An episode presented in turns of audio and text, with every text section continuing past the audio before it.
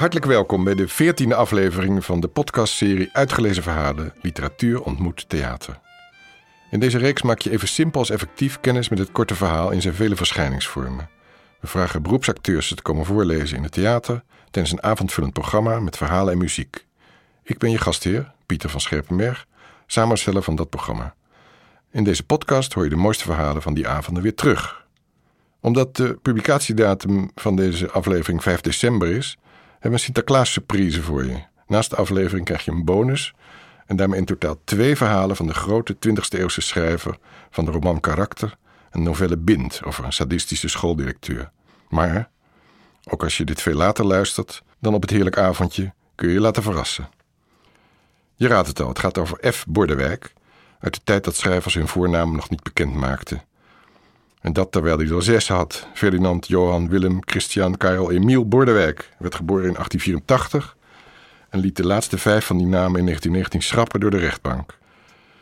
Tot zijn tiende groeide hij op in Amsterdam aan het Singel, een periode die hij heel sterk oproept in het verhaal Keizerrijk dat je in de bonusaflevering kunt horen.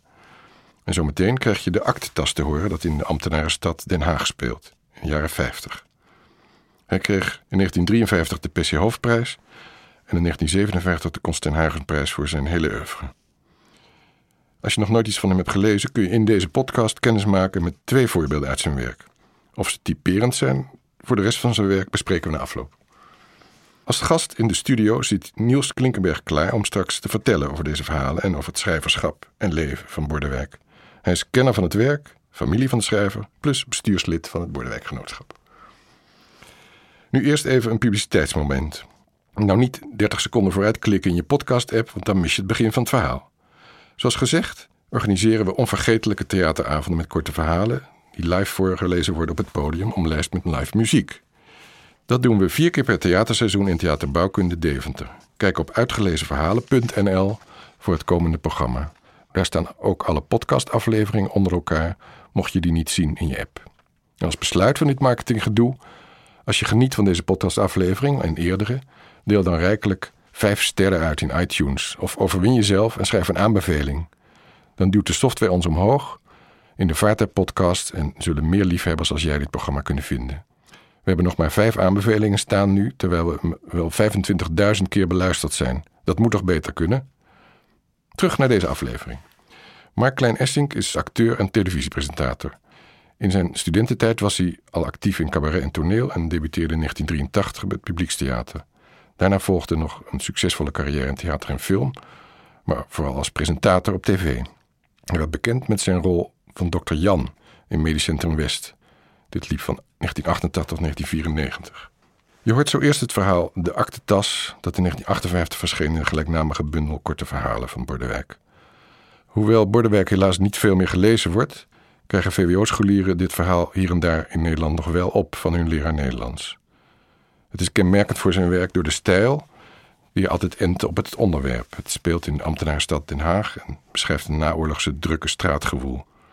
De stijl is stijf ambtelijk. Je bent getuige van de merkwaardigste gewaarwording uit het leven van meneer Kars. Graag je aandacht voor Mark Klein-Essink, die op 24 april 2015 in Theater Bouwken Deventer de aktetas voorlas van F. Bordewijk. Het was nu al haast tien jaar na de bevrijding. Meneer Kars had in die tijd zijn gezin zien toenemen.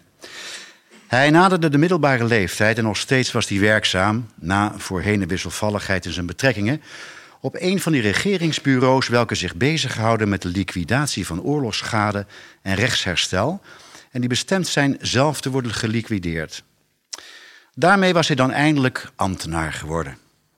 Maar meneer Kars, vrij snel opgeklommen tot hoofdambtenaar, vreesde zijn eigen liquidatie allerminst. Hij had te verdienstelijk werk gedaan dan dat de regering hem niet zou willen behouden. Hij kende zijn waarde en gelukkig kende de man aan de top haar ook. Zodat hij te zijner tijd stellig elders behoorlijk rijksamplooi zou krijgen. Hij zette ook s'avonds thuis nog veel werk en nam moeilijke dossiers voor een rustige bestudering mee. Hij kwam uit een ambtenaarsgeslacht en herinnerde zich nog verhalen van zijn grootvader. In diens tijd bestonden er geen aktentassen. De heren van de departementen liepen met lege handen hoogstens met een stok of paraplu, naar en van het bureau. De avonden besteden ze aan hun bijbaantjes. Bijbaantjes waren toenmaals hard nodig. Men kon niet zeggen wat er het eerst was geweest. Het lage ambtenaarsloon of het bijbaantje. Daarover brak zich trouwens niemand het hoofd. Maar meneer Kars, zonder tijd voor of behoefte aan een bijbaantje, had wel behoefte aan een aktentas. En deze was dermate een stuk van zijn buitenhuiselijke persoonlijkheid geworden dat zijn vrouw hem meermalen voor de aanvang van een zondagswandeling de aktentas moest ontnemen. Het was enkel verstrooidheid geweest. Toch liep meneer Kars niet zo prettig als door de week. Al herkende hij de compensatie gelegen in de aanwezigheid van zijn beminnelijke wederhelft. Op deze verrukkelijke namiddag van mei te ruim vijf uur ging meneer Kars van zijn werk naar zijn woning. Hij liep altijd. Het was niet ver, een twintig minuten van zijn bureau, ondergebracht in een groot flatgebouw, naar zijn woning in dezelfde buurt. Lichaamsbeweging was goed voor hem, daar hij neiging tot corpulentie vertoonde. En hij liep ook graag. Het was een nogal kleine meneer, een zweem gebogen, onderweg weinig lettend op zijn omgeving en met zijn gedachten meestal bij zijn dossiers. Al dus ook op deze namiddag. Hij had nooit oog getoond voor het jonge groen, tenzij mevrouw Kars hem attent maakte. Zij wist van zijn lichte verstrooidheid en maande hem herhaaldelijk tot voorzichtigheid in het verkeer. En daartegenover beriep hij zich op het dierlijk instinct tot zelfbehoud, maar voelende dat deze geruststelling niet gans toereikte, voegde hij erbij dat hij ook nog eens goed uit zijn ogen keek. De route van meneer Kars leidde altijd, dus ook thans, over een ingewikkeld kruispunt. Hij moest ergens dicht bij zijn huis een grote verkeersweg oversteken die uit verschillende banen bestond. Een wandelpad van klein grind, een fietspad van asfalt, een rijweg van klinkerkeien, twee trambanen met tussenwoekerend gras, een fietspad van asfalt en een wandelpad van klein grind. Al deze banen werden onderling gescheiden door enkelvoudige rijen dikke bomen die aan de allee een uh, grote bekoring verleenden maar ook het uitzicht belemmerde, zodat een overstekend wandelaar niet kon volstaan met beurtelings de ene kant uit te zien en de andere, maar bepaald ook nog eens om de stammen heen moest gluren. En dan vertoonde de verkeersweg ter plaatse waar meneer Kars er zich van bediende nog iets dat hem maakte tot een knooppunt. Hij werd door een andere dubbele trambaan benut voor oversteken in S-vorm. Toen meneer Kars die namiddag van zijn werk gekomen om ongeveer kwart over vijf de laan overstak, die in beide richtingen druk bereden werd, kreeg hij daar ergens de merkwaardigste gewaarwording van zijn leven. Ze viel niet te verwoorden, in geen enkele taal. Was evenmin te verklanken, te verbeelden of in gebaren uit te drukken. Ze lag buiten het gebied van zintuigelijke waarneming en tegelijkertijd bezat ze iets van alomtegenwoordigheid. Maar het vreemdste was dat hij haar ogenblikkelijk vergat. Hij liep verder. Hij was de laan overgestoken. Daarvoor hem lag de bochtige dwarsstraat, waardoor het andere dubbele paar tramrails slingerde. Hij zou nu ook verder zijn oude vertrouwde route volgen. Eerst deze straat haaks over, dan een klein voetpad met een heuvel en hekwerk aan het begin en eind om fietsers te weren. Dan het villapark waar hij met zijn gezin zijn intrek in een paar kamers had genomen en vast en zeker in vijf minuten thuis zou zijn. Toen hij echter de tweede straatweg had gesneden en veilig stond op het andere trottoir, werd hij door een onverklaarbare kracht gedwongen tot omkijken. Het eerste wat hem opviel was tussen de bomenrijen van de grote laan een, een stilstaande motorwagen, waar zich aan de kop reeds een groep kijkers had gevormd. En de kop werd dikker en meneer Kars die hier volmaakt veilig stond, met de ingang van het heuvelend voetpad in zijn rug, zag hoe al meer nieuwsgierigen kwamen aanhollen en hoe fietsers en bromfietsers afstapten en auto's stilhielden. Hij zag het van deze korte afstand duidelijk en tegelijkertijd met een, een zekere gedesinteresseerdheid. Naar zijn aard was hij niet iemand om met de neus te willen liggen bovenop een verkeersongeval. Het bracht echter plotseling heel even zijn vreemde gewaarwording van daarnet in zijn herinnering terug. Was het misschien een soort voorgevoel geweest dat er iets gebeuren zou? Want kijk, was het niet geweest op ongeveer dezelfde plek?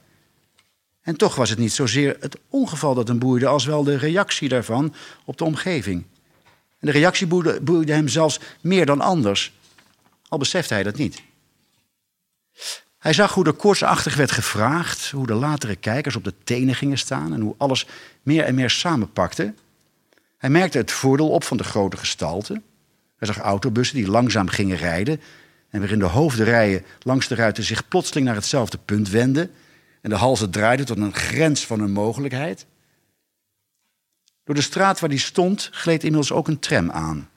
En toen deze zijn S-lijn over de laan met het ongeluk volgde, zag je alle passagiers van de zetel dezerzijds als op commando oprijzen en zich storten naar de ramen aan de andere kant, alsof het voertuig een volle plezierboot was in ruw weer.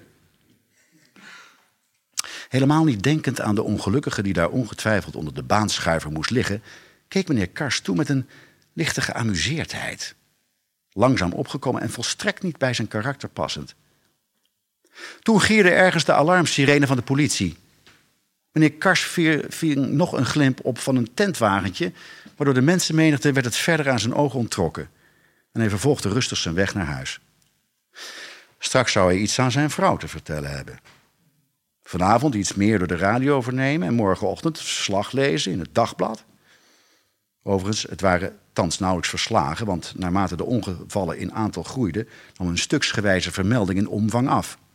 De moppenkolom van het vroegere weekblad was vervangen door de ongevallen, eh, ongevallen kolom van het huidige dagblad en het drukbeeld was hetzelfde gebleven. Al dus pijnzend, niet zonder heimelijke voldoening over deze vergelijking, beklom meneer Kars de lage heuvel van het voetpad dat schaars werd belopen, wrong zich door het eerste hekwerk met hem eigen routine, die niet meer eiste dan drie stappen en drie draaiingen van de heup, en wrong zich even later op dezelfde wijze door het hek aan de andere heuvelvoet. Bij het nemen van deze tweede hindernis gebeurde er in zover iets ongewoons dat een flink uit de kluiten gewassen jongen haar tezelfde tijd nam van de andere kant. De hekken waren dagelijkse getuigen van wellevendheid en lompheid van hoffelijke uitnodigingen en stroef terugknikken. Van lichte groeten en lachjes voor een ogenblik. Van fronzingen. Van binnensmonds en luide verwensingen. En behalve van geestelijke botsingen ook wel van lichamelijke.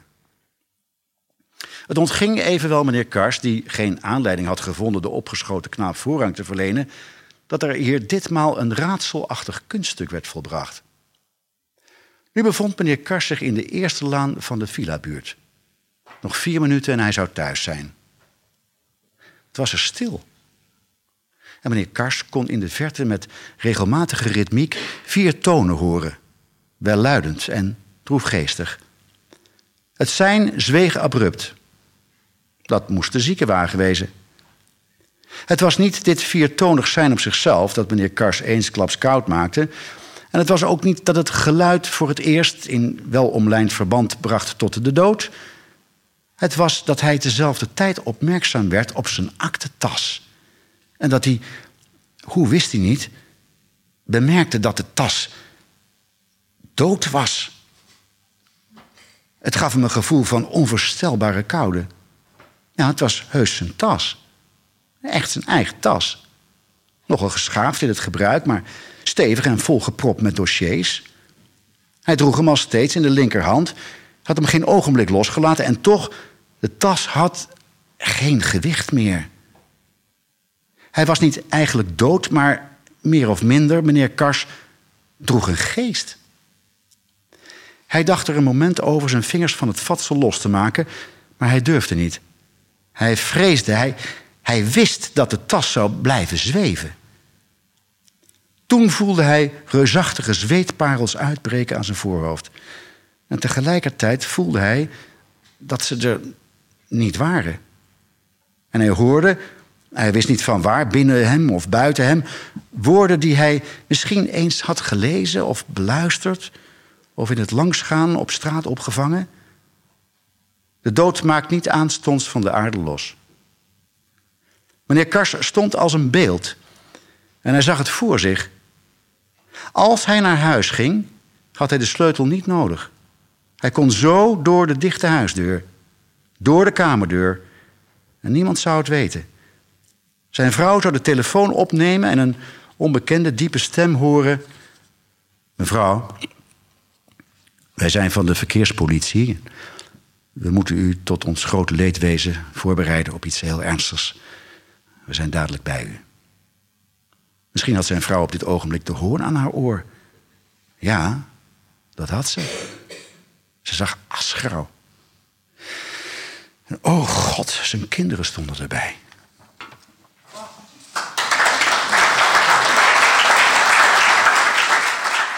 Je hoorde de aktetas van F. Borderwerk, voorgelezen door Mark Klein-Essink.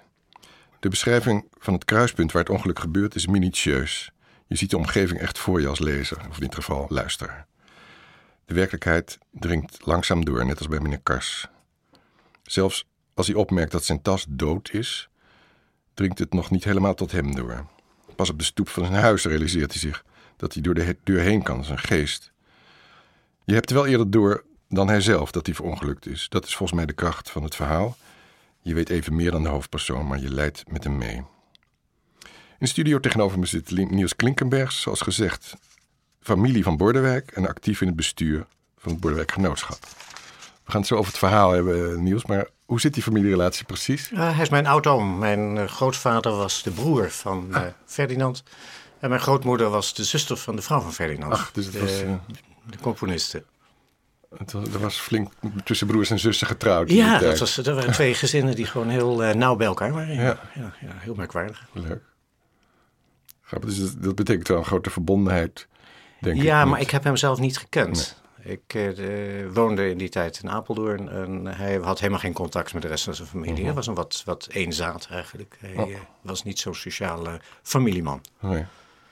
Ja, ook in zijn eigen gezin niet, moet ik zeggen. Oh. Ja.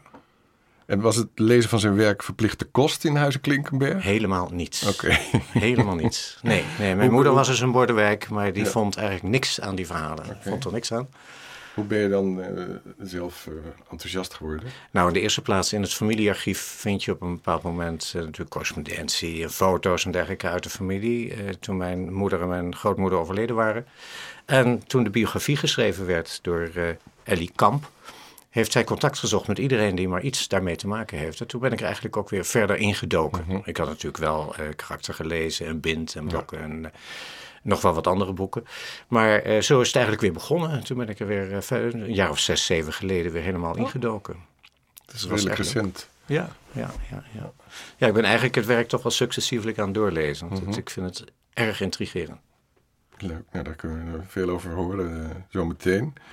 Uh, even terug naar het verhaal. Wat, uh, vind je de aktentas dus een typisch voorbeeld van het literaire werk van Boerdewijk? Ja, maar het is, wel, het is wel een heel uniek verhaal. Ja.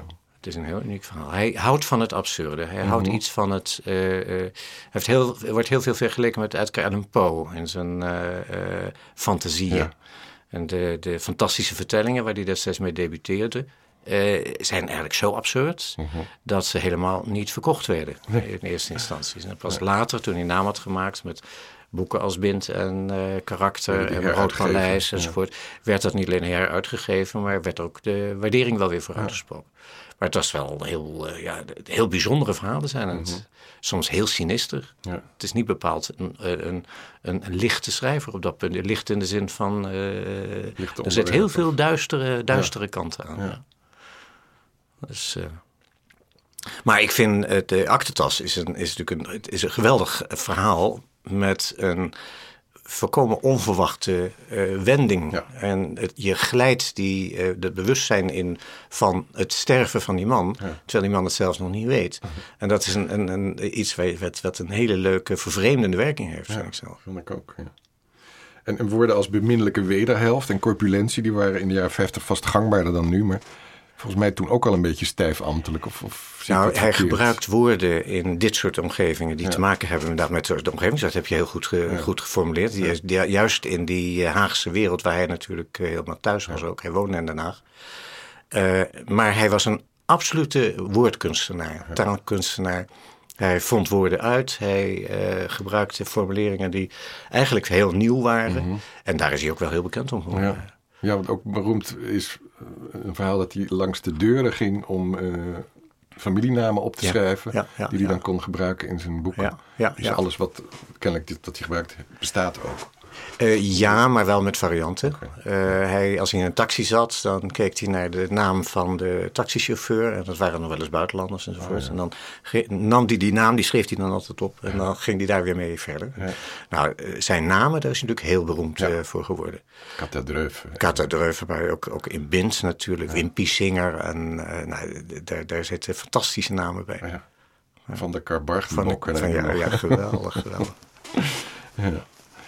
Um, heb je inmiddels, je bent dus door het werk heen aan het. Uh, ja, ik heb meer een deel gelezen. Heb je inmiddels een favoriet een roman of verhaal? Uh? Nou, een, een uh, ja. Rood Paleis is voor mij een van de favoriete oh, boeken. Is, nee, dat is ook helaas alleen maar antiquarisch te krijgen. -huh. We gaan als genootschap uiteraard bij de uitgevers flink aan de deur rammelen omdat we vinden dat een heel aantal werken nog uh, opnieuw uitgegeven zou moeten worden. Ja. Rood Paleis speelt zich af in Amsterdam in een, uh, in een hoerenkast, in ja. en om een hoerenkast. Aan de Passeerdersgracht. En het uh, leuke daarvan is, het huis is er, dat bestaat ook. En dat huis is dan de inspiratie voor hem om daar zo'n heel verhaal over neer te zetten. Niet dat dat een, een, een hoerenkast was, maar hij vond dat dat een locatie voor een hoerenkast moet zijn in het Vadershekle. Ja. Dus vlak voor de Eerste Wereldoorlog. Een fantastisch verhaal. Ja. Nou. Dat is wel een van mijn favorieten. Om opzoeken. Hij was behalve schrijver ook zijn hele leven eh, zelfstandig advocaat. Beter gezegd, de advocatuur kwam voor hem op de eerste plaats, heb ik ergens gelezen. Klopt. Op literatuurgeschiedenis.nl.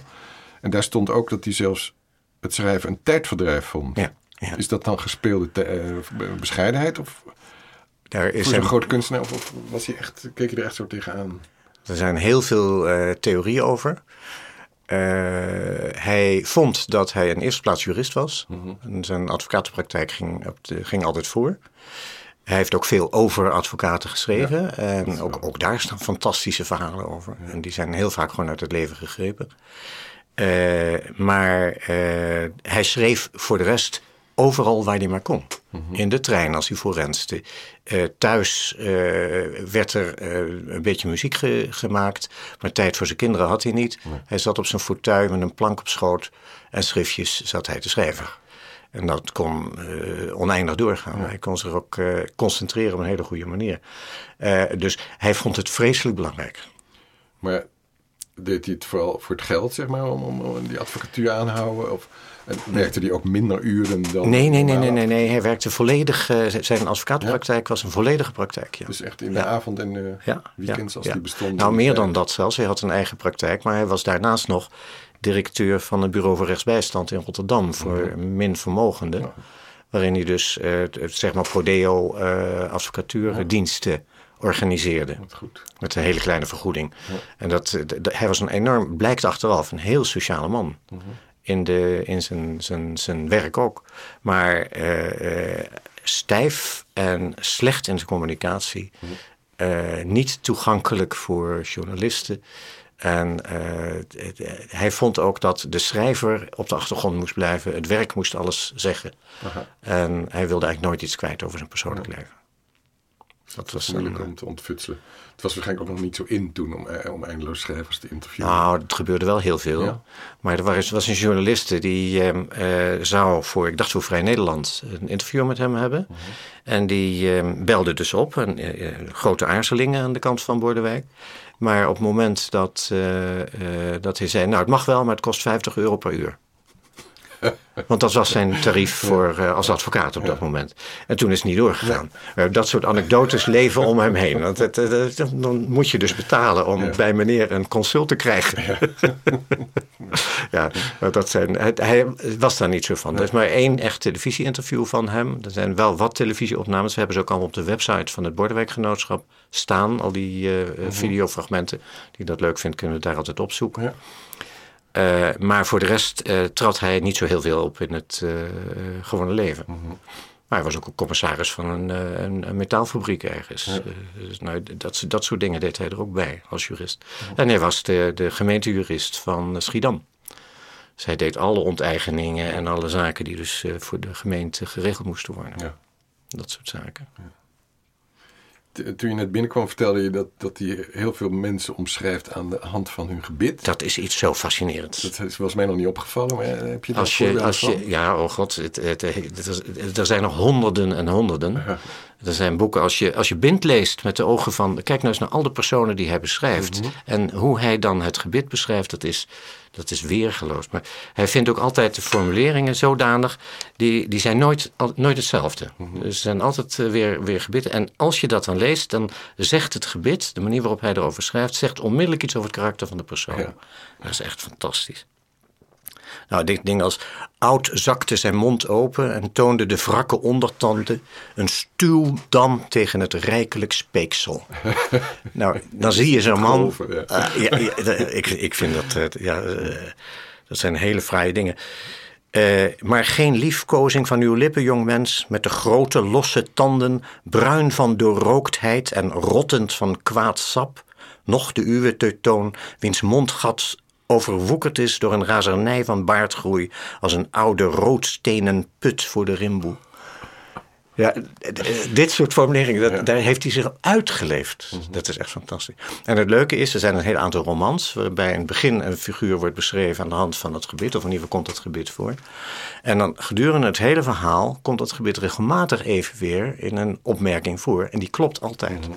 Dat is het leuke. Je ziet dus echt zelfs het vergaan van een gebit soms door dat uh, in, in zo'n roman gebeuren. Hij is daar zo door gefascineerd. als je Bind daarop naleest, bijna alle leerlingen wordt het gebit van beschreven. En dan op een manier van groene aanslag tot aan eentje die, ik, ik geloof Kikatak, die zijn uh, twee gebitten nog heeft. Dus, dus het kindergebit en het ander voor elkaar. En dat is een soort zeemonster wordt hij daardoor. Nou, dat soort typeringen, dat is typisch Bordewijk.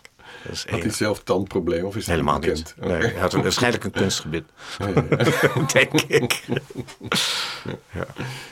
Nee, ik zei je zit in het bestuur van het Bordewijkgenootschap. En in 2015 werd, was het 50ste sterfjaar van de schrijver. Ja. Een mooie aanleiding om Bordewijkjaar te organiseren. Ja, klopt. Uh, Uitgelezen Verhaal heeft er ook meegedaan met een Bordewijksalon. Ja. Uh, de, de, opnames die in deze podcast en de bonus staan, zijn toen ook opgenomen. Ja. Um, wat hebben jullie tegenwoordig voor activiteiten als, als genootschap? Nou, het, ik ben geen uh, lid, dus ik moet er naar vragen. dat is geen probleem. Sowieso hebben wij een website waarin we een heleboel nieuwtjes en informatie over Bordewijk en zijn vrouw, een, de, de componisten, uh, hebben. We hebben als genootschap heel nauw meegewerkt aan het tot stand komen van de dubbelbiografie. Uh, Ferdinand en Johanna, mm -hmm. die door Ellie Kamp is geschreven een aantal jaren geleden is verschenen. Ja. Uh, en we kwamen met haar bij elkaar met een aantal adepten, uh, familie en rare uh, mensen die dus echt helemaal gefascineerd waren ja. door Bordewerk, verzamelaar en, en, en lezers. en toen zeiden we, maar het gek dat er nog geen genootschap voor is. Dat hebben we toen opgericht, ruim vijf jaar geleden. Ja. En we hebben daar elk jaar op zijn minst een Bordewijkdag georganiseerd. In alle steden waar hij iets mee had. Hm. En in die steden hebben we dan ook sporen nagelaten. Dat is een van de leuke dingen, een van de dingen waar ik toch wel trots op ben.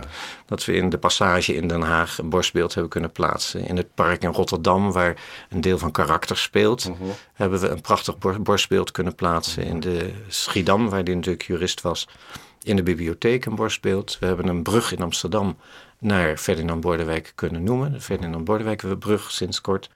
Daar hebben we dan ook elke keer een eh, dag gehad, een Bordewijkdag met lezingen, met muziek van zijn vrouw. Mhm. En uh, nou, dat zijn altijd hele leuke bijeenkomsten. Ja. Hoeveel leden hebben jullie? Nou, niet zo heel veel. Een stuk of 40, 50 leden. Dat, ja. Daar schommelt het een beetje tussen.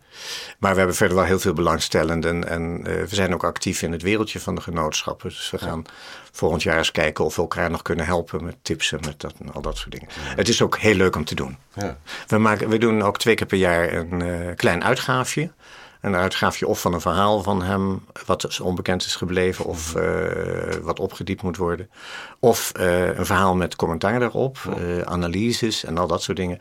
En dat is vooral om te genieten ja. van het werk. Ja. Want wij willen het graag weer onder de mensen krijgen. Leuk. Nou, hartelijk dank voor dit gesprek, Niels. Ja, graag gedaan. We gaan, je kunt als luisteraar nu overschakelen naar de bonusaflevering of nog even de uitleiding afluisteren. Onze volgende aflevering is namelijk op 1 februari. Met dan weer een bijzondere editie. We hebben toestemming gekregen om een geweldig spannend verhaal van de Amerikaanse schrijver Ray Bradbury te laten klinken. Titel De Misthoorn. En vergeet niet sterren uit te delen in iTunes of een bespreking te schrijven. Deze aflevering is ondersteund door de gemeente Deventer en het Prins Bernhard Cultuurfonds. En deze aflevering werkte mee Niels Klinkenberg, postuum Ferdinand Bordewijk, Floor Minnaert voor de opname, Dirk-Jan van Ittersum voor de montage. De herkenningsmelodie is van Amir Swaap en Sietse van Gorkom. Ik ben Pieter van Scherpenberg en gids je door deze 14e aflevering. Graag tot een volgende keer.